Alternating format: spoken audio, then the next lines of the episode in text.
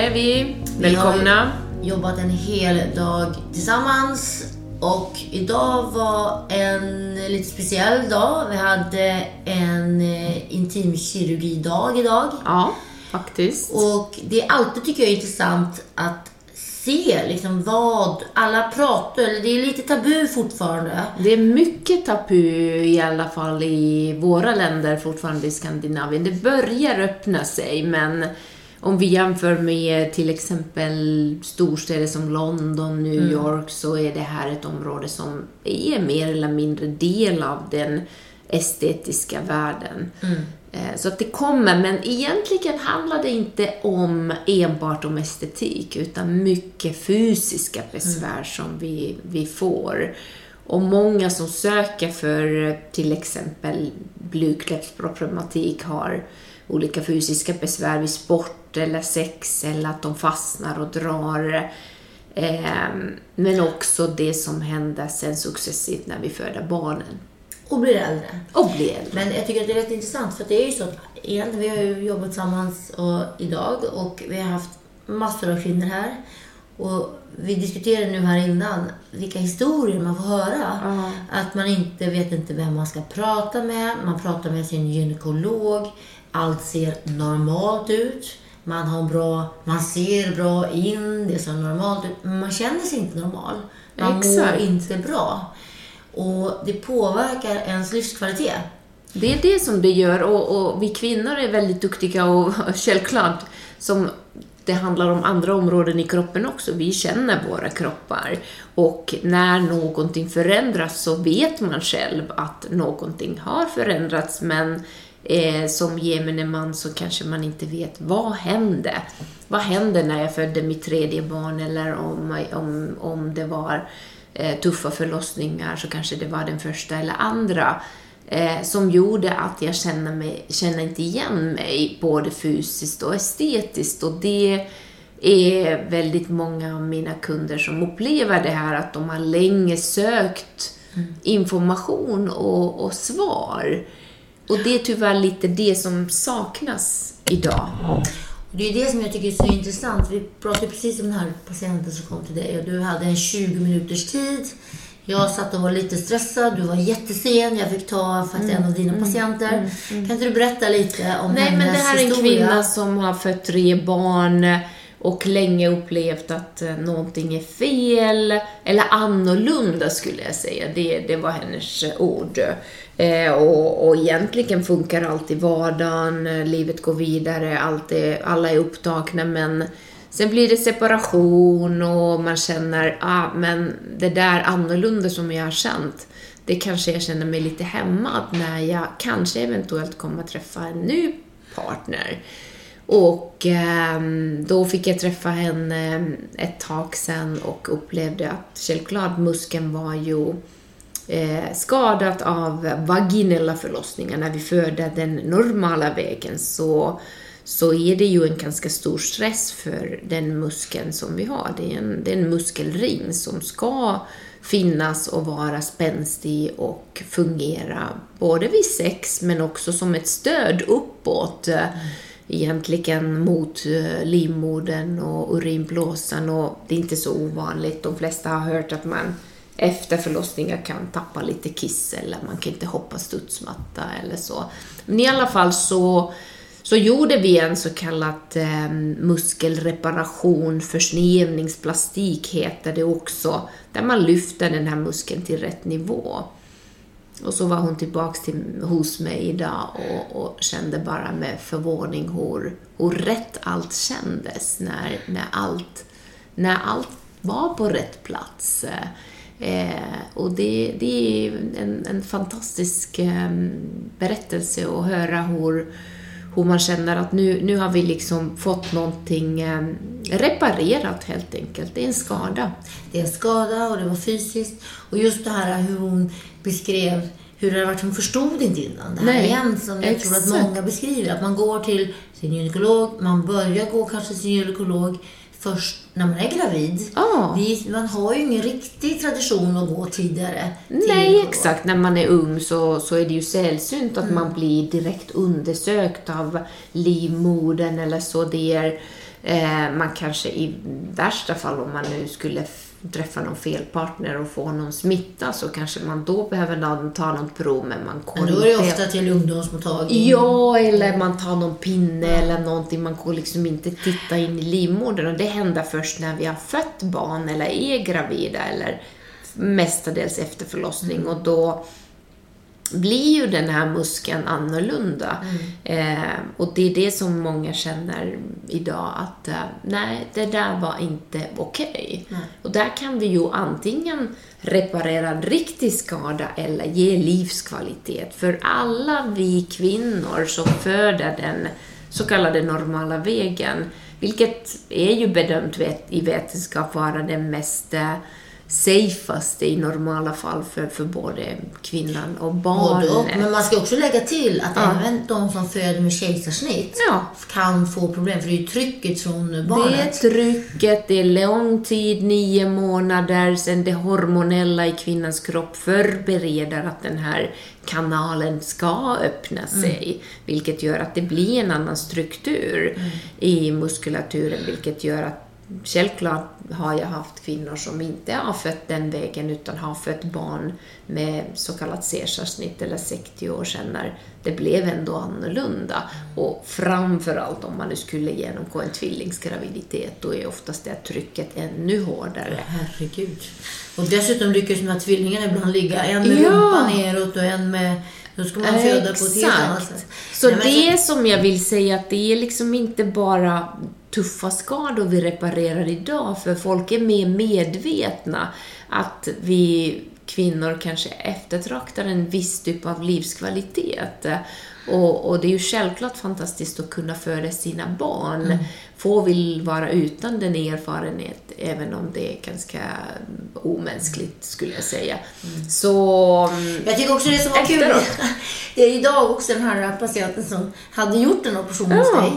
Och sen faktiskt kom till mig då, för jag var tvungen att ta emot henne eftersom du satt i det här samtalet. Ja. Och då var det så intressant hur hon beskrev att hon hade varit tillbaka till sin gynekolog. Ja. Och helt plötsligt säger gynekologen, jag har lite svårt att se in nu. Exakt! Varpå och- det skulle vara någonting negativt. För förut hade det varit typ en öppen... eh, Ett låda. garage. Det var bara Exakt, det var in. väldigt enkelt att se in och den här speci specifika fallet som du nämner, hon är en äldre kvinna som hade fött fyra barn långt, långt, långt innan så alla var vuxna och hon eh, hade blivit änka och kände bara, jag känner mig pigg och jag har ett liv och jag kommer vilja träffa en ny man och träffar olika, och jag vill ha en relation. Men jag kände inte igen mitt underliv.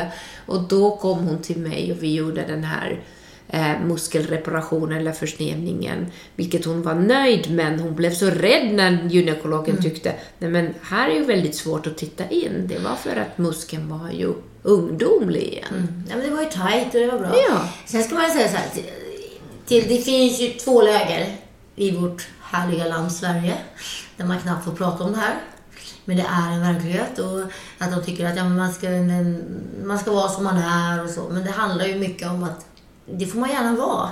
Det är inget alla måste göra. Nej, absolut. Och alla har inte möjlighet att göra självklart med tanke på att det här tyvärr är ju någonting som vi kvinnor drabbas och inte får hjälp av sjukvården för att Vilket det betraktas som en normal förändring i kvinnans kropp efter förlossning, vilket man kan diskutera länge. Men eh, om man har möjlighet och, och har besvär så tycker de flesta kvinnor att det är en helt fantastisk möjlighet med tanke på att vi idag lever länge och vi inte alltid kanske lever med samma partner forever. Hoppningsvis gör vi det, men inte alltid. Och det gör ju att eh, man kan bli hämmad av den förändringen som, som finns. Eller till och med, eller inte bara man, man får själv för sin egen skull fysiska besvär som eh, eh, jag hade en kund som kände att nu kan jag äntligen bajsa. Och nu går vi till en, ett till område som är eh, känsligt men faktiskt den vaginala muskulaturen som vi har, det är som en vägg mellan slidan och ändtarmen. Och det är just den muskeln som töjer ut sig eller spricker. Och det är som en stöd, inte bara uppåt som jag nämnde mot urinblåsan och livmodern, det är också stöd mot ändtarmen. Och det är ju det som gör att den här kanalen ska fungera fysiskt för att vi ska kunna göra det så kallade nummer två. Och då upplever många kvinnor att det blir svårt, man kanske stödjer med fingret, stödjer upp det och det blir bökigt. Utan den här kvinnan säger, jag kan bajsa. Bara det. Bara en sån sak, Ja. att hon uttalar det så, Ja. det är ju helt underbart. Det är helt underbart. Och, och vi lever 2023 idag och sådana saker ska vara hämmande eller tabulagda. Det är inte okej. Och det är sånt man inte heller tror jag pratar med sina vänner så mycket om. Nej. Eller med sin man. Kanske. Framförallt inte med sin Nej, man, för att lite- det känns att man är, man är skadad. Ja, Men underbart, hon uttalar så verkligen. Ja. Jag kan bajsa. Jag ja. kan bajsa. Det var inte hon sa att jag kan göra nummer två, jag kan bajsa. Jag kan bajsa. Ja. Så, så, så det, det, vi kvinnor utsätts, inte bara den delen, men andra delar vad, vad gäller det här fantastiska graviditeter och förlossningar som vi ska vara tacksamma för att vi kan vara med om det och uppleva. Men när vi får en skada så ska vi ha rättighet att kunna åtgärda det. Och, Jag tänker också på den här patienten som beskrev hon hade simmat i poolen, hon varit på semester Ja. och simmat. Och så steg hon upp från poolen, tyckte allt var bra. Och helt plötsligt kommer ett vattenfall från ja, underlivet. ja, Det bara rasar. Så Ja. hon fått in så mycket vatten. Ja, Exakt, och Och hon håller bara- på att leta efter papper och Ja. hennes eh, vuxna unga dotter skriker Vad gör du mamma? Mm. Vad gör du? Varför stoppar du papper i dina trosor? och hon sa men jag är ledsen, det rinner någonting. Och jag menar, det här för henne var ju vanlig vardag. Hade hon badat i badkar eller pool eller så, så samlades det lite vatten i det öppna hålet. Och då var man tvungen att stoppa in papper där. Och, och, men, men för en ung person så blev det sådär, vad in i helsike gör du mamma? Det blev konstigt. Och då fick hon den här lilla larmen och säga, jag måste göra någonting åt det här. Jag kan inte hålla på och läcka vatten bara för en liten bad. Man vill ju leva. Men sen tycker jag det är också bra, man måste ju prata om det. finns ju olika också grader och man kan absolut göra vissa laserbehandlingar för att tajta till slemhinnan, för att tajta till hela paketet. Egentligen, egentligen som en ung, om man nu, det är lite olika grader hur, hur det ser ut, så då tror jag laser funkar väldigt fint för att Mm. underhålla, eller efter en sån här muskelreparation. Eller om man har väldigt liten skada så kan det fungera. Eh, Men har man en riktig muskelskada så eh, måste man först eh, sy ihop den här muskeln och sen i så fall kan man underhålla med tanke på att vi kommer ändå bli äldre. Eh, och det gör ju att allt blir ju mjukare. Och det är ju den saken som kommer också göra att vi kanske senare i livet vill göra någonting om. Så att jag tror att det är bra. Alltså har man problem så man, om man mår dåligt av det så är det ju bra att hitta någon hjälp för det. Jag, Det jag är bara irriterad för det är också så här, det är 2023 och vi vågar knappt prata om det här med våra vänner. Vi pratar inte med om våra part, med våra partners eller med våra män. Och det är faktiskt ett rätt Det är riktigt in, intressant. Där har jag sagt faktiskt att jag skulle, jag som gör, kanske, kanske en av de som gör mest det här i Sverige, är ju väldigt intressant att göra en anonym studie och, och fråga män. Vad tycker de? För de är ju självklart, det är, ju- de pratar sinsemellan, men de skulle aldrig uttala sig. Och det är självklart bäst. Jag menar, herregud, har man en man som uttalar det så är det inget bra heller. Men någonstans så lider ju alla. Men de här kvinnorna lider nog mest. Det gör de ju självklart. De ska göra det för sin egen skull. Eh, som var, Men sen tror jag också för våra döttrar, men vi har döttrar båda två. Ja, ja, man måste våga prata om de här problemen. Ja, vi absolut. åldras, vi får barn, det är en livscykel. Ja. Men vi måste också kunna ha kvar vår livskvalitet. Och man ska inte behöva gå runt med problem som man inte behöver. Exakt, man kan liksom, självklart man måste ju acceptera att man är inte 20 längre och det är annorlunda. Mm. Och det säger jag till mina kunder också, vi måste ha rätta förväntningar. Reparerar man en sån här skada så kan vi inte backa i tid innan förlossningar. Vi kan få en förbättring som är individuell. Men eh, de allra, allra flesta som gör sånt här, som har problem, blir de blir överlyckliga. De älskar ju effekten, för det ger en helt annan, både fysisk hjälp, men självklart det ser estetiskt annorlunda Och man kan också. bajsa igen. Bara kan en sån bajsa. sak. Man kan en bajsa. normal toalettbesök. Ja. Det är helt otroligt. Det är otroligt. Men sen tycker jag också att det är viktigt. vi- Jag tror vi ska bjuda in. Vi pratar om, vi har ju en kollega som jobbar mycket med det här och håller på mycket med hormonella eh, behandlingar. Det är också en viktig del att när vi blir äldre som kvinnor, vi behöver hormonsubstitution. Det kan man diskutera. Vad är rätt? Vad finns? Ja, vad ja, kan man göra? ja, och det är ju ett komplement till allting. Och sen är ju hela det här intima i sin helhet. Nu har vi pratat väldigt mycket om slidmuskeln, men sen är ju mycket, mycket annat med inre blygdläppar som unga kvinnor störs av att de fastnar när man cyklar, rider, gymmar. I bikini så ser det ut som en snopp. Så där har väldigt mycket fysiska besvär som jag blev intervjuad för en podd eh, länge sedan nu. Alla, min, alla mina ligg. Mm, den är väldigt härlig. Två roliga tjejer som, som pratar om um, ja, sexliv, eh, framförallt för yngre människor. Och där eh, kom det ju fram väldigt mycket den diskussionen att det handlar inte om någon typ av pornografi. Det är långt från det, utan det handlar om vanliga människor som har besvär som får hjälp av den här typen av kirurgi. För, för det är väldigt mycket tabulagt också, det området. Men man kan få kunna prata om det. Mm. Och helt plötsligt så blir det också att då sätter samhället så här, ja men eh, du, har, du gör det för att behaga männen. Ja. Men ofta är det faktiskt att man gör det för sig själv. Absolut. De flesta inre blygdläppsplastiker som jag gör em, eller utför är ju kvinnor. De allra, allra flesta de har någon typ av fysiskt besvär. Antingen att de fastnar i troskanten, man får hålla på placera dem vid sex eller i sportsituationer som, så får man fysiskt ont när den delen av kroppen fastnar någonstans. Så att det är, Cykla. Ja, cykla, rida, ehm, eh, eller så ser det skumt ut, tycker unga tjejer. Så att det är, det är ehm, mycket, mycket fysiskt besvär, mycket mer än, än bara det här att man ska ha en bild och säga jag vill se ut så här. Men så är det väl inom hela estetiken tycker jag. Det handlar ju inte om att se ut som någon annan. Det handlar Nej. om att hitta sina egna. Vad är mina förutsättningar? Och jag vill inte ha det så här. Förbättra det egna.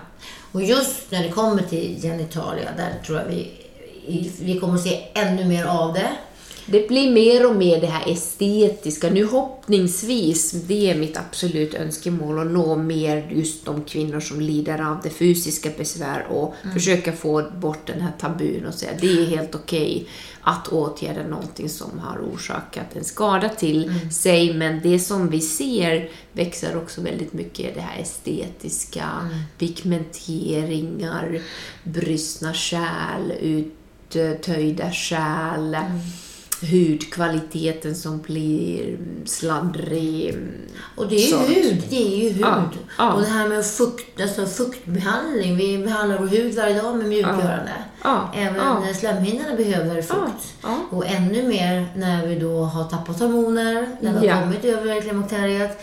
Och egentligen så börjar vi tappa östrogen, vissa redan vid 35 års ålder. Mm. Och det tycker jag, vi, jag- vi ska bjuda in, vi, har, kan ju, vi Vi ska, ska ha ju en eh, gynekolog som kommer och hälsar på oss Ja. i vår podd. Där vi ska diskutera just de här hormonbehandlingarna. Det är väldigt och vad intressant. som finns och vad man kan göra. Och varför det fortfarande nu är många som har östrogenplåster. Och det var ju nu, det var ju slut på alla apotek. Är det sant? Det var restnoterat. Ja, just det. Eh, Men fortfarande Ja. lite så här att eh, jag tror kanske vi i Sverige är ännu mer att man inte ska ta den hjälp som finns, utan det är ett naturligt åldrande. Ja, det, Och tycker jag är så sorgligt för att ehm, så många som jag möter som har länge gått och försökt få hjälp och mår dåligt av det här. Och jag förs- det- ni måste alltid förstå det att inte alla har den ekonomiska möjligheten med tanke på att det, det är ju inte liksom landstingssjukvård utan det här görs enbart på privata sjukvården. Men de som har möjligheter, det, det, de flesta älskar effekter. Det är bara så. Ja, men bra. Men hörru Så- du, jag tror vi tar kväll. Vi har jobbat hela dagen. Jag tror att vi går hem nu, va? Nu, mm, Och eh, vi eh, tar ett nytt avsnitt snart.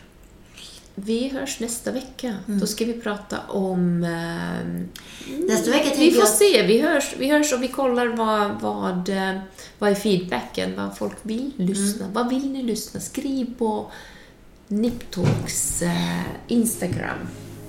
Säg, säg vad ni skulle vilja höra.